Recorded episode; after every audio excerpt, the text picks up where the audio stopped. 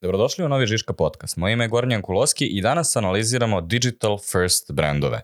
Naime, dugo godina je u brendiranju i advertisingu manje više sve bilo poznato. Znali smo kako se pravi brand, kako se pravi brand book, kako se pravi proizvod. A onda je došao internet i onda se sve promenilo. Promenilo se šta je tačno jedan design sistem, šta je njemu neophodno. Dobili smo animacije, dobili smo drugi način kako se prave proizvodi. To je krilo jednu ogromnu digitalnu transformaciju koju su različiti brendovi uspeli da prebrode sa različitim uspesima. Pa ćemo danas pričati o tome kako najbolje da vi primenite digital first design. Sa je danas Fran Mubrin, kreativni direktor u 404 i čovjek koji je za 10 godina prešao put od junior dizajnera pa do kreativnog direktora velike agencije za to vreme ispratio rast te agencije od 10 ljudi do 170 koliko ima danas. I na tom putu radio na brendovima poput Keks, Lako, Molsor Course, Adidas i tako dalje. Ako pravite brend u 2023. godini, onda obavezno poslušajte ovu epizodu. Ajde sad ispravamo par stvari. Ajde. Uh, bukvalno reći svojim najobičnim glasom, polako, normalno, Žiška podcast. Vi slušate Žiška podcast. A zašto si izabrao ovu današnju temu? Pa izabrao sam ju zato jer eh, smatram da ono, prije svega koliko ono ime same teme ne zvuči provokativno, smatram da je podcijenjeno e, sa razine e, pristupa tome i da može doprinos onome za samo korisnika, ali za nas i sve koje radimo u ovom svijetu, e, pričajući, o ovoj temi može biti puno kvalitetnija i u biti neki impact koji mi je bitan da se priča o dizajnu, ali generalno brandingu kroz digitalni aspekt je često stavljen sa strane i uvijek se svede na ono tematiku tradicionalno protiv digitalnog, ali tu uopće ne pričamo o tome, nego pričamo kako raditi digitalno, kako raditi digitalne brendove i u biti kako su oni u suživotu i sinergiji s nama svakodnevno. I zato sam odabrao tu temu jer mislim da ono nema tradicionalna, netradicionalna agencija koja ne radi digitalno, jer e, u suštini cijeli ono interaktivni moment između nas i brendova i stvari koje sve radimo je takav da prolazi kroz neki ono digitalni kanal. I zato mi je u principu ta tema zanimljiva i mislim da treba što više pričati malo o njoj i no, dijeliti znanja i metode rada jer može svima koristiti generalno koji radimo ovaj posao. A kako bi objasnio ljudima šta je digital first brand? Pa objasnio bi ga za razliku ono, gledaj, Stari brand je bil proizvod i dimil se. Sad kako ćeš to interpretirati? Kroz cigaretu ili kroz auspuh? Ali um, digital... Ili sveže pečen kolač. E, ili sveće ili ta pile. Uh, kuglov, šta god. ali ehm, digitalni brand puno više radi interakcije s nama samima i nije više baza na proizvodu nego na korisniku. U suštini, ehm, mislim to ono, kao pozadina svega toga je isključiva da se to promijenilo. Promijenilo se taj cijeli narativ. Znači, u, stvarno u ono starijem svijetu, mislim, to, to, kreće sve i ono od povijesnog nekog dijela, di smo mi u principu brendove stavljali u kontekst, ok, on nam je ta mašina služi za to i gledali smo samo kako ta mašina radi taj posao i bilo je jako linearno. E, i ti brendovi su imali svoje pečate i šta god i onda smo se ono poistovjetili. dok, kažem, ono, Digital First brand je e, definitivno živi kroz sve te kanale i, i puno više ima interakciju sa samim korisnikom i više baziranje na iskustvu i, i naše potrebi. Je Digital First brand ono kada skineš serifni font zato što se ne čita na, na ovom telefonu, pa recimo Johnson Johnson ili Burberry? Pa za nekoga je, ali evo, dobro, Burberry, baš da si spomenuo i ovaj Johnson Johnson primjer. Burberry, evo, sad oni su imali taj model di su ono, vratili brand, ono, napravili su taj blending, kako, kao što se kaže. Znači, ono, to je bilo trend koji je bil cijelo vrijeme sad dosta prisutan, di su se, ajmo reći, bogati heritage brendovi da bi se digitalizirali, su se ono, ono jako grotesno su se ono pojednostavili, ono, možda Google je u esenciji takav, ali svi su išli u tom nekom ono, sans serifnom ono, momentu, jer kao bilo opravdanje, kao ok, na taj način pokazuje da smo digitalni i da odgovaramo o tom skrinu i, i ali u suštini tu je jako puno pogreška napravljeno. Kod Burberija baš vidimo da se Burberry opet vratio na, na ono jako kompleksnu strukturu, više ono, ne samo kažem, ne kroz logotip, ne kroz sve stvari koje rade, puno više eseta se koristi, da u biti puno više emocije sa korisnikom ima. Um, a kod Johnson Johnson možda ovaj zadnji primjer, i dobar i loš, kao šta bi rekao, svako gleda svoje strane. Ja smatram sa strane kompanije dobar potes, možda malo izvedba nespretna i kako su komunicirali prema van um, ono, ispalo je malo korporativni bullshit s te strane kao na razini ok, mi smo pojednostavili svoj logotip. Viš, previše su pričali o logotipu, a premalo o sljedećoj fazi svoje kompanije. Ja mislim da je samo cijeli taj branding trebao malo više pasti na to što oni predstavljaju, za njihov portfolio, za njihove buduće korake i manje pričati o toj jednostavnosti svojeg logotipa. Ali kod cijele te teme previše se priča o logotipu. I to je isto jedan od problema. Kao sve se gleda kroz prizmu logotipa, a to je možda možda ono za digitalne brendove i za, i za Burberry i za Johnson Johnson primjer, treba malo sagledati širu priču biti kaj ti brendovi danas u našem životu znače i zašto bi tak trebali izgledati ili ne. I definitivno odgovor na pitanje ono da li ti fonta možeš postići ono digitalizirati svoj brend mm, ako povećaš čitljivost nekom portalu ili aplikaciji, da. I ako on koristi ka tome da je čitljivost i funkcionalnost tog proizvoda ili na kraju dashboarda u autu bolja, definitivno da je to opravdanje da, da, ali ako to staviš samo kao ukras, vrlo brzo nema tu neke funkcionalnosti. A da li vidiš da postoji neka inherentna tenzija u tim brendovima zbog toga što ako želiš da budeš jasan i razumljiv i da budeš čitljiv na svim jezicima i da se vidiš sa 200 metara, onda treba da imaš logo kao na primjer Bosch. Znači veliki, bold, jasno, jednostavno ispisano.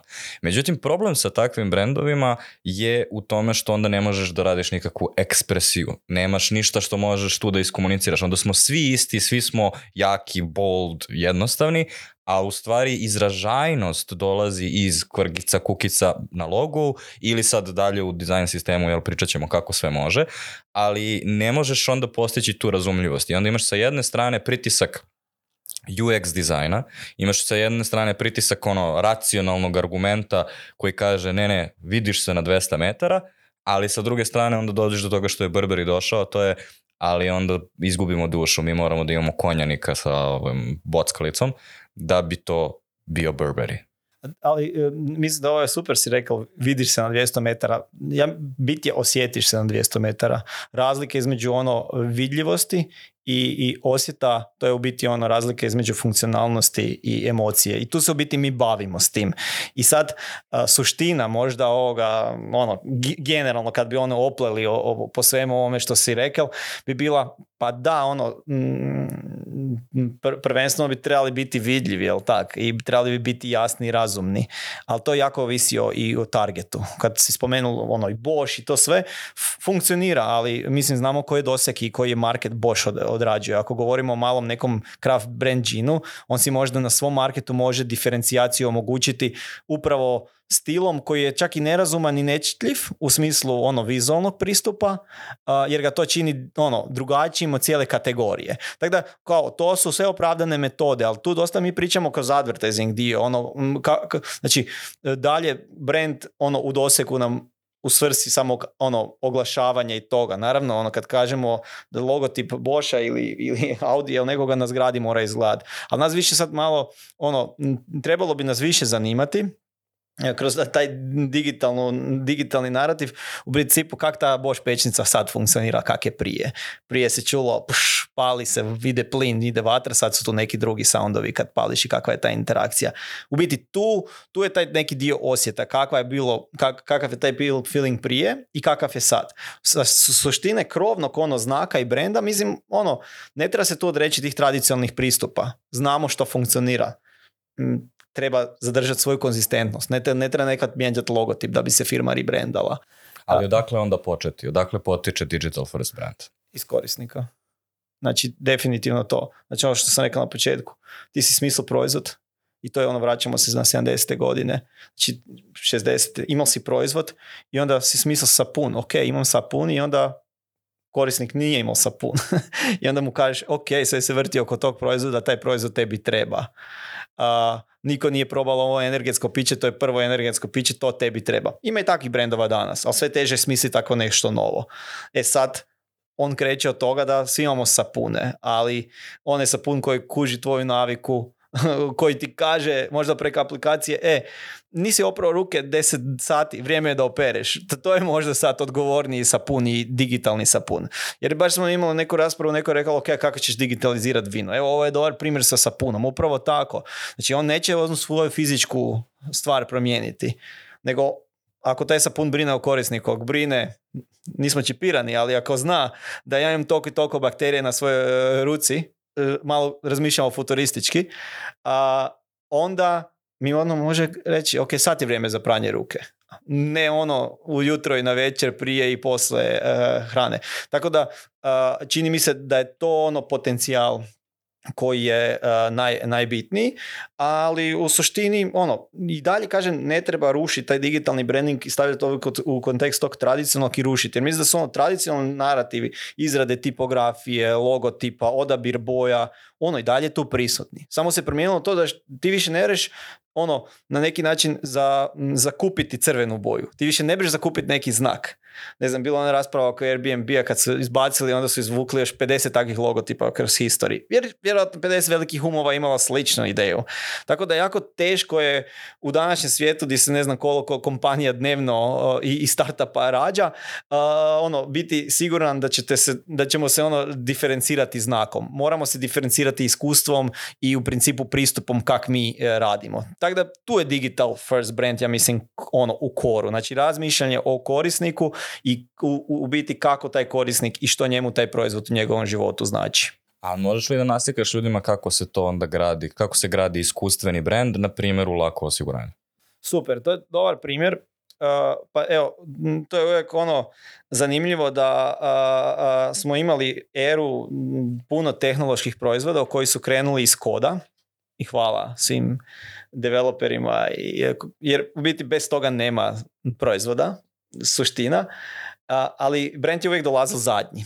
Mislim, sigurno ono, masa ljudi koji sad ovo sluša, ono, često su se našli u situaciji, ok, prvo ćemo neki MVP napraviti proizvod, to će biti sve neka, no, wireframing i onda ćemo mi kad sve izgradimo, imamo toliko i toliko usera. Imam ja odličnu rečenicu sve je gotovo, samo mi treba neki marketing. Točno to. I ono, i taj marketing tu podrazumijeva i logotip i boje, pa ćemo mi kad ne korisnici to koriste. Ali to doba je ono, jednostavno nekak i nestalo.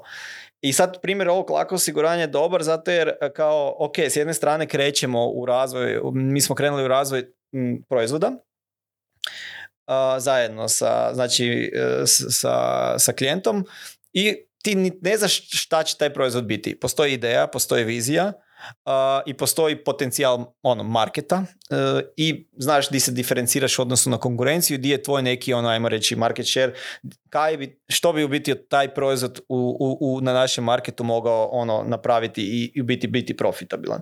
E sad, sa fokus grupama, znači kak kreće do razvoja brenda. Znači ne kreće od toga da se čeka da se proizvod napravi, nego radi se sinergija. Tako da brand team u onom klasičnom dijelu, znači brand designer, copywriter, UX designer, od starta kreće raditi ono, od naminga, kako se i dešava ideja proizvoda, funkcionalnosti proizvoda, tako se i definiraju neke vrijednosti. To je, to je biti najljepši dio kojeg često nemaš priliku da radiš jer moraš biti uključen na, na, na takav dio, tako da recimo kod lako osiguranja je baš taj dobar primjer da ono, sve stvari koje bi brand trebao imati, naming, vrijednosti, ton komunikacije, nisu proizašle iz toga mi imamo najbolji digitalni proizvod na tržištu koji omogućava to, to i to, e dajte sad vi za to vrijednosti, nego su vrijednosti bile, ok, da li mi možemo reći da unutar 21 klika možemo napraviti prijavu štete ili nečega na aplikaciji. Da, is, i u suštini tako je nastalo ime lako. Znači, svaki proces smo pojednostavili toliko da ono se nametnulo, ono, sve što radiš u odnosu na jako tradicionalnu industriju i jako tromu je stvarno lako. I ono, to je bila neka ta premisa toga i kad se to reflektira na design formu, dizajn sisteme, piktograme, ikone, esete, sve drugo, tu je u biti ono sve vidljivo i jasno zašto je smisleno na taj način napravljeno. Znači ne gnjaviš korisnika, uvijek mu omogućavaš tu neku ono lakoću prolaska, ne gnjaviš ga da ga ono začaraš svojim ilustracijom, fontom i nečim, nek mu daješ čistu funkcionalnost i naravno odgovaraš na tu njegovu emociju da se osjeća ono ponosan da je on napravio nešto dobro u smislu da, ga nije zeznul taj sustav nek da mu je olakšal e, stvar. Tako da tu je, tu je taj kor kako se radi digitalni brand možda na laku, jako bitan da se cijeli ono strateški timovi, klijentski timovi i brand timovi i naravno tehnološki timovi koji stvaraju proizvod od starta budu ono nekak multidisciplinarni. A da li možeš da naslikaš ljudima kako je izgledao taj design sistem za lako, ovaj, s obzirom da smo rekli kako treba da, kako izgleda tradicionalni brand i onda šta treba nagraditi na to? Znaš ono, u, u suštini, kad smo dobili ovo ono, odgovor na pitanje kako taj brand živi iznutra. Znači zašto mi postojimo? Trebalo odgovoriti na pitanje kako to što mi postojimo, kako mi to djelujemo prema van. Nama jedini dodirna točka u tome je interfejs i jer smo prvo 100% digitalno osiguranje. I sad dizajn sistem kreće od toga da gledaš koji su ti korisnički, ajmo reći, putovanja kroz taj proizvod koja inače u stvarnom svijetu obavlja. Primjera radi, Eh, da li meni treba dizajn sistem biti ovolog ili ovolik. Znači, fora je ta da gledaš u principu koliko je taj doseg tog proizvoda. U stvarnom svijetu, ja zovem tatu, tata, sudar, sredi ovo, eh, tata sredi tehnički pregled, znaš, mm, jednostavno treba mi registracija. U ovom smislu, aha, ja sa svojim znači dizajn sistemom i, i u biti narativom, to mijenjam. Znači ja mijenjam tvog tatu koji zove frenda u tehničkom da prođeš jer ti ono, nemaš dobar katalizator i slične stvari. Znači ja ti tu sve to mijenjam. Uh, e onda i taj dizajn sistem se tome treba prilagoditi svoje esencije. Ti u koru napraviš, znači napraviš, znači on mora biti vitalan i mora tu svaku funkciju odraditi da ono pokuša na neki način ono, imitira taj neku ljudsku komponentu. Mora biti humanin.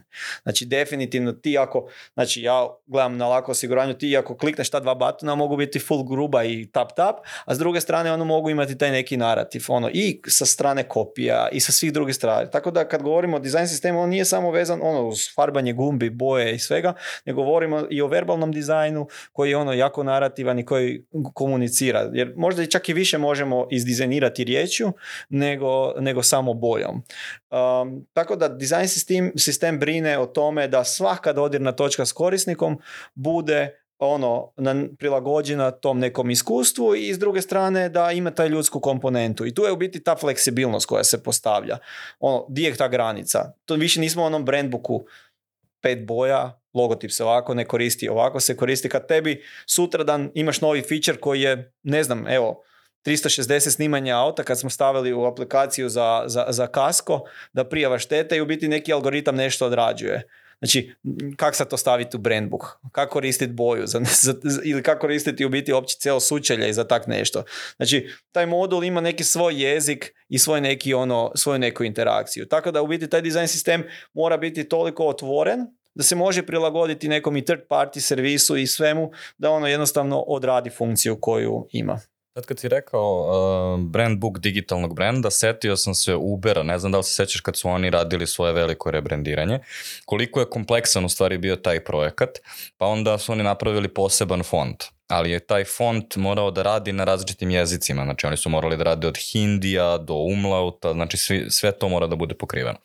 Druga stvar koju su rekli je, pošto smo mi digital first brand, moramo da imamo animacije, znači ne samo bilo koje animacije, nego Uberove animacije moraju da budu intuitivno, totalno različite od svih drugih, kada Znači, sama aplikacija kako reaguje mora meni odmah da signalizira da je to Uber, a ne neka, neka druga aplikacija. I onda se sećam, da je to bilo predstavljeno u stvari kao sajt, jer nije bilo moguće da sve te mrdalice predstaviš u brand booku koji je knjiga ili PowerPoint prezentacija ili PDF, ali u svakom slučaju je statično.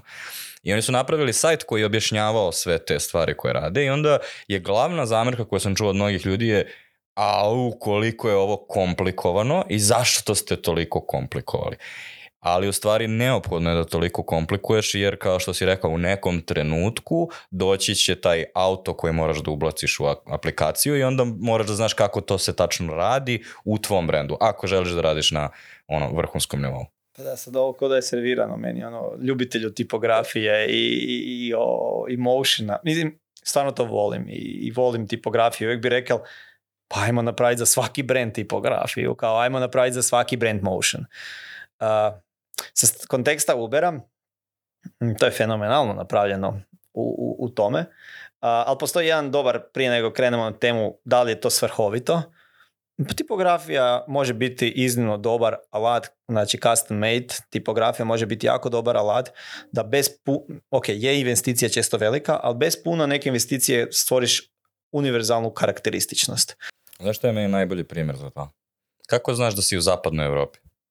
tako što je sve oko tebe Helvetika. Vidim, gledaj, to, to sa strane Helvetike e, i cijelog tog Bauhausa i, i ono jasnog stila ono koji se izdefinira i opet stavu pripadaš ka tom društvu i pripadaš tim trendovima i, i to je ok, znači, ali e, činjenica biranja svoje neke tipografije, ovo što sam, e, u biti, što, što je point, ti možeš uzeti tipografiju i na temelju toga pravdati rebranding i pravdati neku promjenu jer je jako vidljiva. To je isto koji promijeniš fotografiju, promijeniš ilustraciju, tipografija tu opipljiva.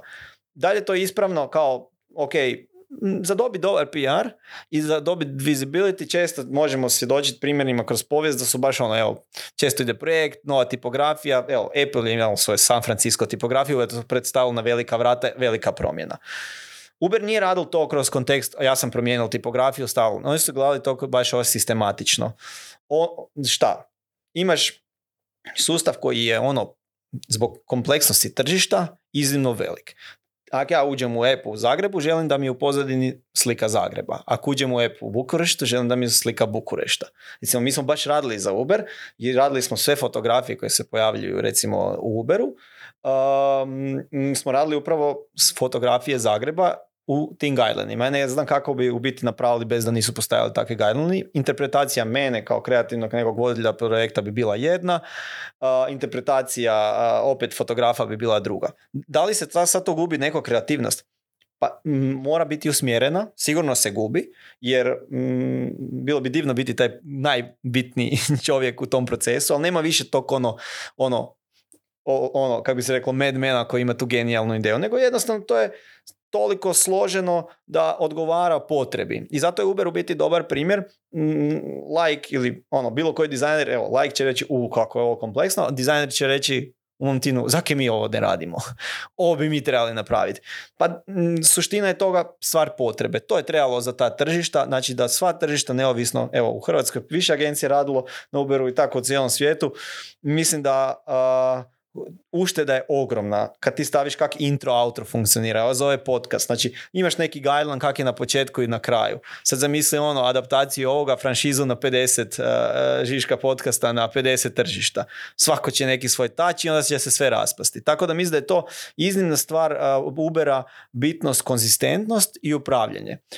PDF, kao PDF prije je to bilo moguće, ali ovo jednostavno zašto je to sajt? Pa zato jer je primarno ono, biraš, ne biraš smik palete boja, nek više radiš e, u cijelom to, u nekom drugom sustavu boja. Više ti treba motiona i onda samo copy pasteš te module i stvar je funkcionalnija i jednostavnija. Tako da čisto svrha opravdava e, i potrebu, to jest potreba opravdava tu svrhovitost samog sistema Ubera. Ali e, jedna od stvari koje digital brendovi moraju da imaju u odnosu na tradicionalne jeste da evoluiraju. Kako se to primjenjuje na brand? Po meni evolucija ti je ona zanimljiva, zato kaj to se možda, na, imamo jako velik broj primjera ovih digitalnih ajmo, sajtova i brand bookova koje zovemo kao dalje brand digitalan, mi napravimo taj sajt kao Uber. A pitanje je da li ga mi updateamo i da opratimo promjene koje su na proizvodu. Znači, ono možda najklasičniji primjer kojeg bi mogli tu spomenuti nije iz, ono, iz klasičnog brandinga a, je možda Apple i sono mašine i hardvera u cloud. Znači čini mi se da je genijalan primjer e, upravo iz to, s te razine di mi nismo ni bili svjesni koliko se ta transformacija elegantno i dobro desila. Mislim, prvo je bilo onaj music koji je bil, imali smo ono mp 3 na e, Apple, pa ono kao, eto ti je bolje iTunes i to. Ali kao, kao što je u biti su i gigabajti rasli i sadržaj rasel, Uh, i ta cijela struktura od hardvera ka cloudu, uh, govorim isključivo za neka desktop i laptop računala, ono kao uh, Apple kao takav. I ono, ta tranzicija od onog Macintosha do apple kao, kao, kao danas je iznimno, iznimno bitna jer je pratila tu ono vitalnost. I onda sve ovi potezi kaj taj brand radi, fleksibilna, ono, responsivna tipografija, različiti dizajn sistemi ikona i svega druga, proizlazi je iz toga. Ali činjenica da masa brendova s druge strane, sad to je ono spin na početku smo rekli nije provokativna tema, je pro... Mi imamo stvarno i na našem tržištu imamo jako velik broj brendova koji ono, stvarno se jako lijepo mijenjaju, jako, se, ono, jako lijepo rastu, ali e, često im u biti njihov ono, imaju, možda bi mogli još i ljepše rasti da malo više ulažu upravo u, u, u brand, u e, razvoj koji prati sam razvoj ono generalno proizvoda i toga. I to je ono, znaš, znaš da je dobar proizvod, dođeš na taj sajt, a sajt ono ko da je iz 2000. Ono, ok, zašto to nemamo, ali usluga vam je dobra. tako da da bi to bilo sve nekako ono sinergija, to je jako bitno osvijestiti. Jako bitno je da se to dešava upravo da, da ono zahtijevamo od toga da je vitalan. Možda ne treba promijeniti ikone, možda ne treba promijeniti ono font, ne, ono, može se uštediti na masu stvari, ali treba se gledati kaj to znači za opet kažem ono s korisničke perspektive, ono kaj korisnik danas to očekuje jer evo, javni prevoz u Zagrebu, ja dađem unutra, da ono, nekad stvarno se, ono, evo sad smo stavili ono zadnje vrijeme, ono, imamo neki QR kod da možeš plaćati tramvaj i to, ali ono, kao da uđeš u drugo stoljeće i ono, šok i nevjerica, jer kao, ono, dalje ono vozi i funkcionalan a samo mi fali taj dio da ja mogu ono saživjeti na način i, da je taj brand i taj tramvaj šta god a, u mojoj dodirnoj točci ne stresira i ne utroši mojih 20 minuta do kioska da idem kupit kartu, nek daj mi to malo olakše i kupi to vrijeme za mene. I tu mislim da su vitalnosti brendove pa to su takvi ono, ziceri, ono, samo da napucaš tu loptu u gol. Malo, malo inovacije ne mora biti skupa i da se, da se ulaže u to. Postoji inherentna tenzija u tome što govori, zato što sa jedne strane svi pričamo o tome brand mora da zna šta je i ako znaš šta je onda to ne menjaš kroz vreme.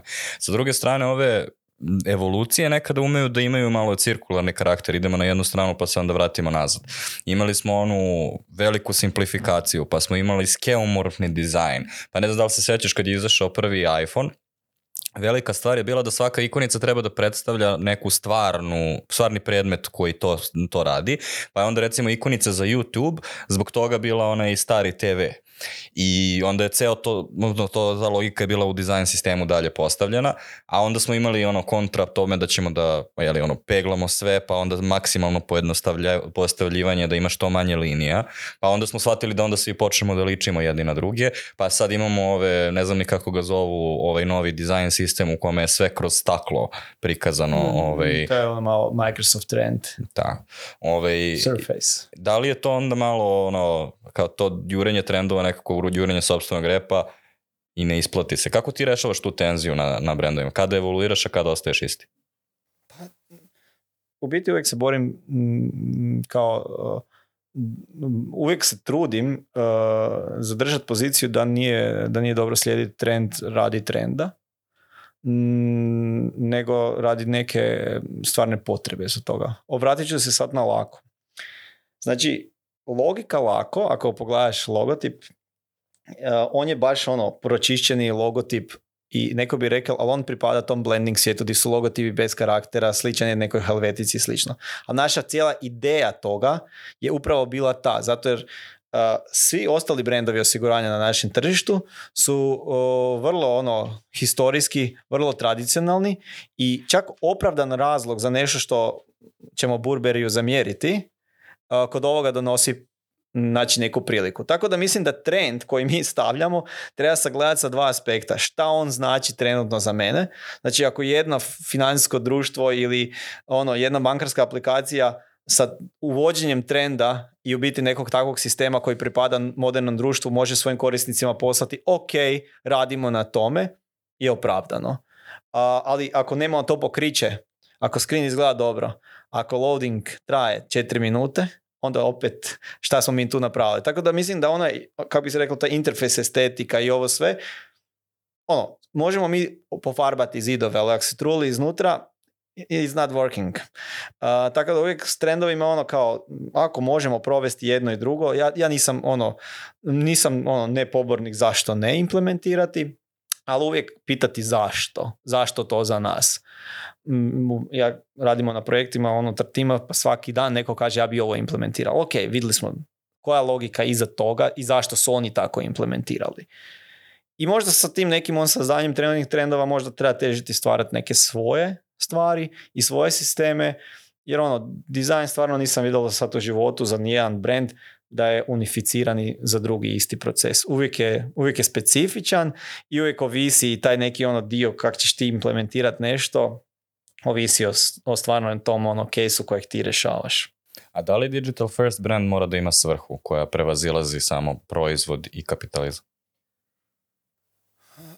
Dosta sam razmišljao o toj kao tezi i svrhovitosti brendova.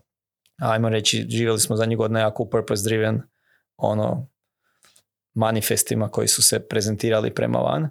Pa brand bi uvijek trebali imati svrhu, jer mislim u suštini svrha je digitalnih brendova i ovoga čega mi pričamo je da da brinu o nama na neki način, ali samo da se ta interpretacija, on mora imati svrhu, ja mislim da mora. Samo ne bi se ta svrha trebala krivo interpretirati na način, nije svrha pa ono, sad moramo spasiti cijeli planet, sad moramo spasiti sve živote. Svrhovitost proizvoda mora odgovarati ono, kategoriju u kojoj on funkcionira. I za mene, eh, za većinu mojih proizvoda danas koje koristim, ono, želim da taj brand mi ono, napravi nešto za mene. Znači, ako trebam popiti ljekove, od tog brenda očekujem da brine o mom zdravlju, da brine o mom odlukama, da ima insajte u cijelu kategoriju i da mi kaže, e, nemoj piti pet tableta, zato jer tvoja krvna slika je ovakva, sad pi tri tablete, da ne moramo otići tom doktoru. Znači, želim da se emotivno donosi neke odluke za mene, a na kraju dana želim da mi skrati vrijeme potrošeno na sve to. Jer, smatram da je svrhovitost većine brendova digitalnih prvenstveno je glavno im je taj neki kontekst vremena i da ja to vrijeme mogu iskoristiti za nešto drugo. I tu je u biti često se ono od tog vremena dođe do ono promjene cijelog svijeta ne znam, lojalnost i, i, i ono neko povjerenje su dale kredibilitet internetu da je danas to što je, jer svi možemo na neki način reći što želimo um, i na neki način dati taj dvosmjerni feedback i iznad svega ovoga, koliko god mi od korisničkoj perspektivi svemu govorimo, moramo i razmišljati o tom svijetu, uh, ali biti svjesni da naš brand on jedan taj part nečega i ne biti ono vođeni tome isključivo ono mislim, nije ništa jedna danas bolji, pogledamo ovo sve što se dešava oko nas, a primijenili smo sve ove metodologije purpose drivena, ratova puno, neslaganja puno, tako da ono, e, iza toga i dalje ono neka svijest čovjeka mora biti kao trebamo težiti trebamo težiti boljem svijetu ali ono, ne mogu to sami brendovi napraviti. Mora društvo, zajednica i svaki pojedinac na tome raditi. Tako da tu bi ja rekao, treba biti oprezan i svakom ono brendu i, i timovima koji rade da ne iskorištavaju taj teritorij kao ono, kao krpe koje se samo peru nek da budu svjesni ono, ono da nema to greenwashinga kako ga zovemo i da to jednostavno ok, ok reći da imaš aplikaciju koja ti služi za plaćanje računa ne mora ta aplikacija istovremeno spasiti 300 života jer ne sprešava u konačnici i, i ta svijest e, kao bi rekli ono biti na zemlji realističan šta ja s tim mogu je jako velika ali da taj brend nema, nema kao da li je on lokan i u tome i ne može sudjelovati na protestu ili nečemu, pa može, može sudjelovati i dapače i trebao bi se boriti za prava, ravnopravnosti i sve drugo. ali to je tema, ja mislim, koju ono, treba malo više pričati ali koliko tačno Patagonija može da podrži tržište? Znači, kada pričamo o tim brendovima sa svrhom, obično se izvuku neki tako vrhunski primjeri globalni, kao što je Patagonija, gde kao će se sve vratiti na ono, zero carbon impact i vratit će, novac o osnivač i tako dalje. Pa je onda pitanje koliko je to tačno istina i tako dalje, pa možeš da, da, da sve to preispitaš, ali ono što me u stvari zanima je, ok, recimo da je Patagonija odličan primer, definitivno su napravili brand, brandirali su određenu celu grupu ljudi koji se osjeća veoma ponosno da nosi Patagoniju, lojalni su kupci, to sve pije vodu, ali ok, koliko takvih brendova tržište može da podrži? Pa može podržiti toliko sve one koji stvarno nađu svoju funkcionalnost i iskrenost u tome. Patagonija je dobar primjer iz razloga jer kao uh, mm, ma, evo, ma znamo vjerojatno, svaka, vjerojatno svake traperice koje mi kažemo danas uh, reciklirani materijal, uh, svaka majca, e, apsolutno sve što imamo, uh, ima kao skoro pa ima istu misiju kao što ima Patagonija. Do 2030. mi ćemo ove materijale, ali Uh, razlika u Patagoniji je u poslovnom strukturiranju modela što su i oni u suštini ono kao taj holding dio i vođenja prebacili, znači sva dobit i sva ekstra kapital koji ide, ide na udruge koje imaju neki impact unutar toga. Znači, malo čudan model u ovom, ajmo reći, ono, kapitalističkom okruženju, ali pokušavaju testirati zadnjih godina model, ne samo na proizvodnom ciklusu, oni stvarno se trude i opet proizvode nove stvari, ali sa svim potezima od toga, ono, svim potezima rade neke dobre stvari di kažu ok, nemoj kupovati novo krpaj. Ok, ti si lojalan pa, jer ti je dobar brand pa kupiš još tri majice pa nisu možda postigli taj impact. Pitanje je.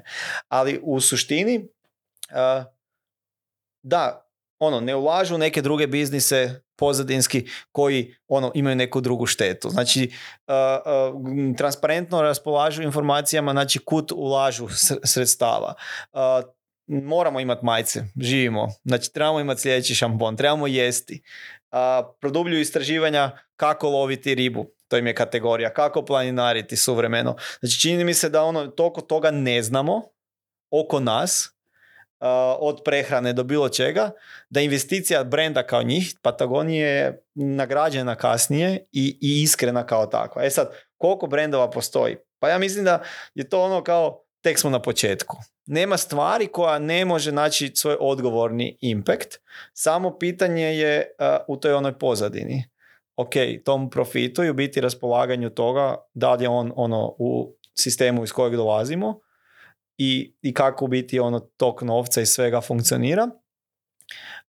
do razine koja je malo drugačija i koja u biti totalno izaziva neke stvari koje možda za neke brendove stvarno su, kako su oni posloženi, jako teška provediva. Tako da, ne znam, svrhovitost je dobra, mm, mislim da ćemo toga vi, viđati sve više, ali više ćemo viđati propitkivanja toga, ono što sam i prije spomenuo, znači više će biti propitkivanja, ok, možeš reći da si održiv, ali pokaži mi stvarnim potezima da si održiv. Nije to sadnja jednog drva, nije to ono jedna radna akcija, 30 zaposlenika koji pokupljaju plastiku niz rijeku. Znači mora postojati nešto više. A da li vidiš da postoji neki cap kada se završava ta mogućnost za svrhu i da brand ima tu neku vrstu misije? Jer kako brendovi ti rastu, svi brendovi koji imaju te neke veoma izražene svrhe onda u nekom trenutku postanu deo neke velike korporacije i onda odjednom krene da se smanjuje procenat tih ulaganja i onda odjednom te korporacije izlače goodwill koji je napravljen na tim brendovima i monetizuju ga a tako što polako napuštaju prakse. Recimo, mislim da je Body Shop dosta dobar primer, jer kao kada su, ono, oni su kada su se pojavili bili cutting edge najzeleniji proizvod koji postoji, a onda su vremenom kao, pa dobro, možda možemo i ovo i ovo, i sada su prisutni svugde u svetu i takođe kada ih pogledaš u odnosu na ostatak tržišta, pošto je ostatak tržišta postao mnogo zelenije osvešćen, oni sada su samo jedan od brendova i možda ne čak ni najzeleniji obavezno. Da, tema je ono, zanimljiva ovo koje se otvorilo zato jer postoji sigurno taj dio vjerodostojnosti, da li, da je to to. Ja, ja, ja volim i dalje vjerovati da ono, ono mislim da trebamo biti nastrojeno optimistički i da uvijek će biti i negativnih možda primjera koji to ne opravdavaju, a trebali bi se voditi nekim optimizmom e, na način i vjerovati da brand može imati svrhu, da može biti funkcionalan i da u biti može naše opet ljudske potrebe e, na neki način nahraniti i funkcionirati u tom nekom ekosistemu. E, Izavi ove neke teme, ne baš ono slušajući ono i čitajući ono neke članke o ribama, kitovima i slično. Dosta volim ovaj podvodni svijet i ribolov. baš ono, nisam uopće znao situaciju biti kako su izlovljeni kitovi do 50. godina, a u biti izlovljeni su zato jer na tom palilo i, i, i, i, brodovi su se pokretali na masti, ne zbog hrane i svega. I u biti sad se vraća populacija kitova iznimno jako. I to mi je bilo ono zanimljiv fun fact kako biti ta naša potreba uh, se u biti može se možda s nekom inovacijom riješiti nešto što ne možemo riješiti samo sa svrhovitosti ovih brendova. tako da ono definitivno je ono, brendovi bi osim svrhovitosti trebali imati onaj imperativ na inovaciji. Kako da to što oni rade, jer nama je to potrebno, nama je potreban sapun.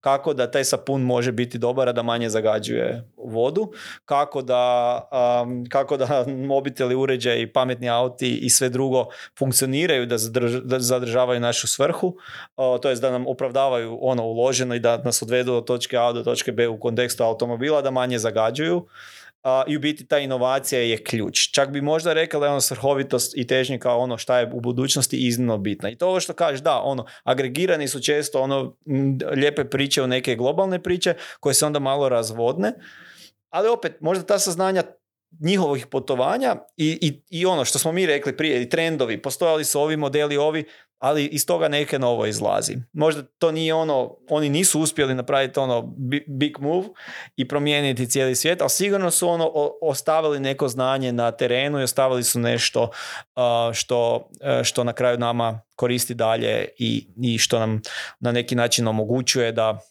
da na, tome gradimo, gradimo neke naše nove, ono, nove poteze i nove proizvode. Da li ako si digital first brand, to znači da moraš da budeš prisutan na svim društvenim medijima? Pa da, to je ovako brzo pitanje. Mislim, na društvenim medijima, znaš, kao onda odeš u kinu i onda na kojem si društvenim medijima, na jednom. E, kao pitanje tržišta, naravno, i, i, i u, okviru čega radiš, ali... Mm, moraš biti prisutan apsolutno svemu sa strane nekog marketinga. Ono, ako nisi prisutan, nemate. I mislim to ne, nije, moraš biti prisutan. A gdje ljudi najčešće greše kada postavljaju digital first brandove? Pa greše u tome, najčešće greše u tome što vratit se na početak podcasta, ne razmišljaju o korisniku, razmišljaju, o, razmišljaju samo o kanalu i o formatu ne razmišljaju ko koristi i kak percepira taj format. Ja na jednoj društvenoj mreži, ali u interakciji s brendom e, različito gledam na istu stvar. I tu je najveća greška. Najveća greška je to što smo spomenuli prije i oko fontova. Možda jedan brend mora imati dva različita fonta iz funkcionalne stvari da, da osjetim feeling tog brenda na billboardu kroz jedan font, a da u biti funkcionalno ga odradim imam s njim interakciju na nekoj drugoj razini kroz screen. Tako da tu najčešće se greši i tu se često u biti ono mm, žrtvuje ono taj dio kao mi smo digitalni, ali u biti nismo. A kada razmišljaš o evoluciji brendova, šta vidiš kao neku sledeću fazu evolucije, šta nas čeka u budućnosti, da li će brendovi postati virtualni u virtualnoj realnosti, da li će svaki brend postati AR, da li ćemo imati brendove koje generiše veštačka inteligencija, da li će svaki brend biti svoja veštačka inteligencija, šta vidiš kada pogledaš u kristalnu kuglu? E, to bi možda završio sa ovak jednom ono, timeline linijom. Znači, ako smo počeli, znači šta su brendovi ono, u suštini bili prvi, pa šta bi trebali biti? Znači, u suštini brendovi nisu bili lifestyle brendovi, nek su bili ono što mi zovemo, ove iz Njemačke, German quality. Znači, brendovi su bili watermarkovi, jel tak? Znači, doslovno su bili pečati i oni su ti davali neku garanciju. To je ono doba prije i doba neke industrializacije. Ovo će trajati. Nakon toga sa ono 70-ih, 80-ih godina mi dolazimo do neke pop kulture i iz objektnog gledanja na brand i sve što se oko njega dolazi, dolazimo E, na, na, na, gledali smo jako objektno na stvari i upravo ono sad je to postalo dio neke kulture poput cigareta, levisica i slično i onda dolazimo do, do, do faze sljedećeg brenda gdje idemo, gledamo kako te stvari funkcioniraju. To je doba u kojem smo živjeli zadnjih 30-40 godina, a, a sad smo dobu u biti kako te stvari koje funkcioniraju stvaraju naša neka iskustva. I sljedeća stvar koja je sigurno za brendove, da taj iskustveni dio brandinga će samo ekskalirati. I sa pojamo ai personalizacije, slabo sam čuo ono temu personalizacija brandinga, ali to je nekako kud idemo. Nije pitanje da isti brand mora izgledati isto na različitim platformama, na različitim kanalima. čudno zvuči, ali ono logotip će ostati vjerovatno ko pečat i ko neki potpis isto koji, imamo potpis koji stavljamo na papir pa to je naše ali u suštini personalizacija prema ono formatu mediju prema korisniku na kraju dana će biti sve više individualnija čudno zvuči ali po meni ono Tesla je možda proizvođač, ali zašto moje ime ne, moj auto ne bi bio personaliziran ako ga, ako ga ja u proizvodnom procesu mogu personalizirati i dati njemu neko ime? još i bolje. I sad taj dio mm, je ono zanimljiv, zato jer je neopipljiv i kao nama je možda abstraktan, ali moje mišljenje je da brendovi na različitim, kanal, na različitim ajmo reći, medijskim sferama ono, mogu biti jedan brend, a potpuno drugačije izgledati. I to se dešava u komunikaciji nama ono, u marketingu, već to jasno, kao s profilima, tu funkcioniraš ovak i onak, ali ono, mm, što, što ako ono jedan sok ima isti okus, a drugačiju ambalažu i drugačiju, ono, drugačiji način konzumacije na različitim terenima. Ima smisla i to se dešava samo definitivno no, smjer kut idemo je ono jaka personalizacija brenda i još više ono slojevitosti. A bo pitam većinu kreativaca sa kojima pričam. Kako koristiš AI trenutno? Koristim ga relativno ono istraživački Znači prvenstveno uh, koristim ga da hekam neke sisteme da si skratim vrijeme oko pičiranja nekih ideja.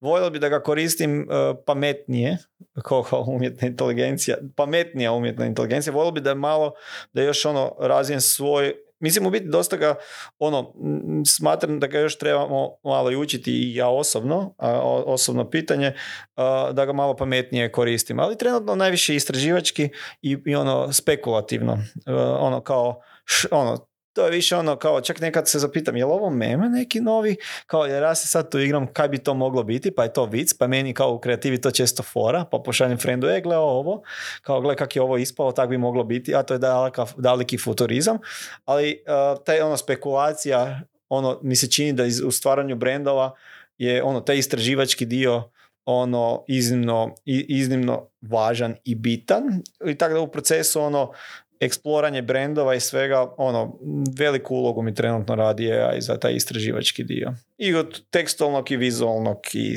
sve ostalo. Za kraj, e, šta bi mogu da preporučiš ljudima? Kako se ti inspirišeš, kako ti istražuješ, kako ostaješ up to date sa trendovima u kreativi?